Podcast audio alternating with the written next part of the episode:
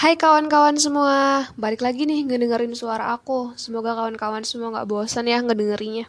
Selamat pagi, selamat beraktivitas, selalu jaga kesehatan. Jangan lupa cuci tangan pakai masker ya. Karena kalau bukan kita yang ngejaga kesehatan diri kita, terus siapa lagi yang mau peduli? Pagi ini aku bakalan ngebahas satu tema yang aku kasih judul Me and My Private Room. Kenapa sih judulnya kayak gitu gitu ya? Karena setiap individu yang ada di dunia ini pasti butuh ruang untuk dirinya sendiri. Sebuah ruangan kosong yang cuma ada di dia di situ gitu dan dia ngerasa nyaman ada di situ. Ruangan yang dia pakai buat ngelakuin apa pun gitu tanpa peduli, tanpa keberatan, tanpa sakit hati dengan penilaian orang lain terhadap baik buruk perilaku dia gitu. Ruangan yang cukup nyaman untuk dia jadi diri dia sendiri. Sebelumnya kita ngebahas dulu tentang hmm, satu topik yang masih nyangkut ke ruangan pribadi gitu. Kenapa sih orang-orang butuh itu gitu? Pasti eh, nggak uh, mungkin nggak ada sebab seseorang membatasi dirinya dengan lingkungannya atau mendem semua ceritanya sendirian gitu, nggak mau orang lain tahu. Aku inget banget ibuku pernah bilang bahwa uh, masalah kita itu sepenuhnya milik kita orang lain yang ingin ikut campur atau berusaha buat ngorek-ngorek cerita kita itu sebenarnya nggak bener-bener nggak bener-bener peduli sama masalah kita gitu. Mereka cuman kepo istilahnya gitu ya. Mereka cuman kepingin tahu aja gitu sekedar itu. Walaupun mereka akhirnya ngasih solusi atau tanggapan gitu ya atas cerita kita ke dia tentang masalah kita gitu itu sebenarnya bukan respon dari rasa peduli dia ke kita gitu.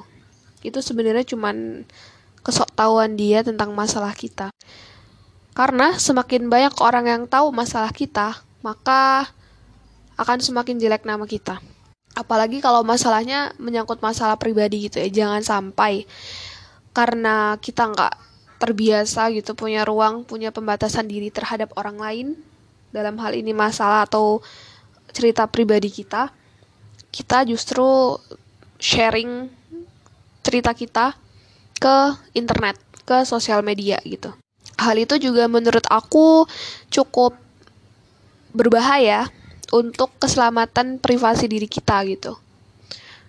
Karena balik lagi, nggak semua orang yang ngebaca atau ngedengerin masalah kita dari internet atau dari mulut ke mulut itu peduli gitu dan jangan jadikan cerita yang kita bagi ke orang lain melalui langsung misalnya kita cerita ke kawan kita atau lewat internet itu jadi kelemahan kita gitu.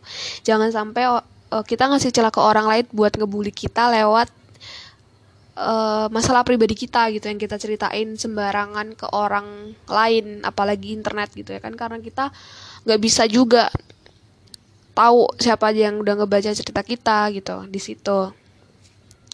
Dan lebih baik kita nyimpan aib kita sendiri gitu. Lebih baik kita nyimpan kisah kita sendiri gitu.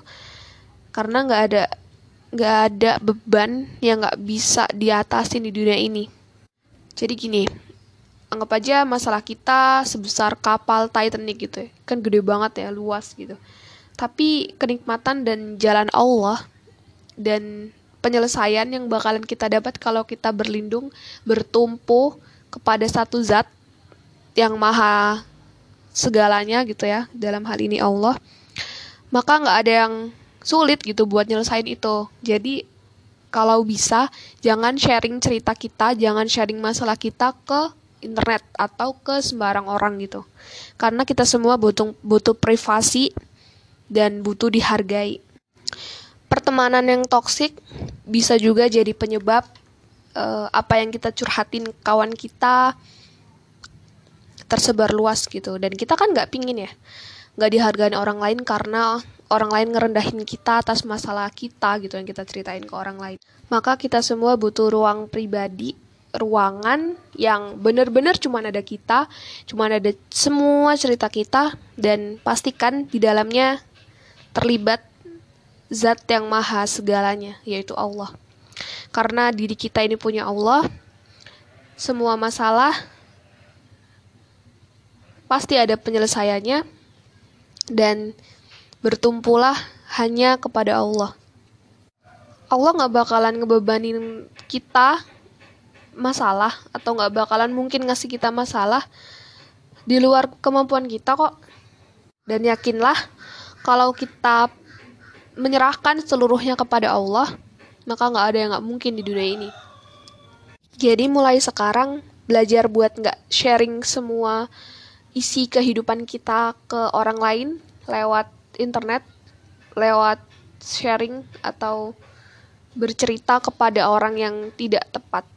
Orang yang kiranya bisa berpotensi membuat image diri kita menjadi turun dan pada akhirnya membahayakan eksistensi kita sebagai manusia dan pribadi di dalam masyarakat. Jadi kita harus punya tuh satu ruang yang isinya cuma kita gitu. Dan di situ kita bisa mutusin siapa yang bisa masuk ke dalamnya dan siapa yang hanya bisa melihat dari luar. Kalau bukan kita yang belajar dan memulai untuk menghargai diri kita sendiri, maka siapa lagi? Kalau bukan kita yang sayang sama diri kita sendiri, maka siapa lagi? Terima kasih sudah berkenan mendengarkan. Semoga sehat selalu ya. Kita semua butuh ruang.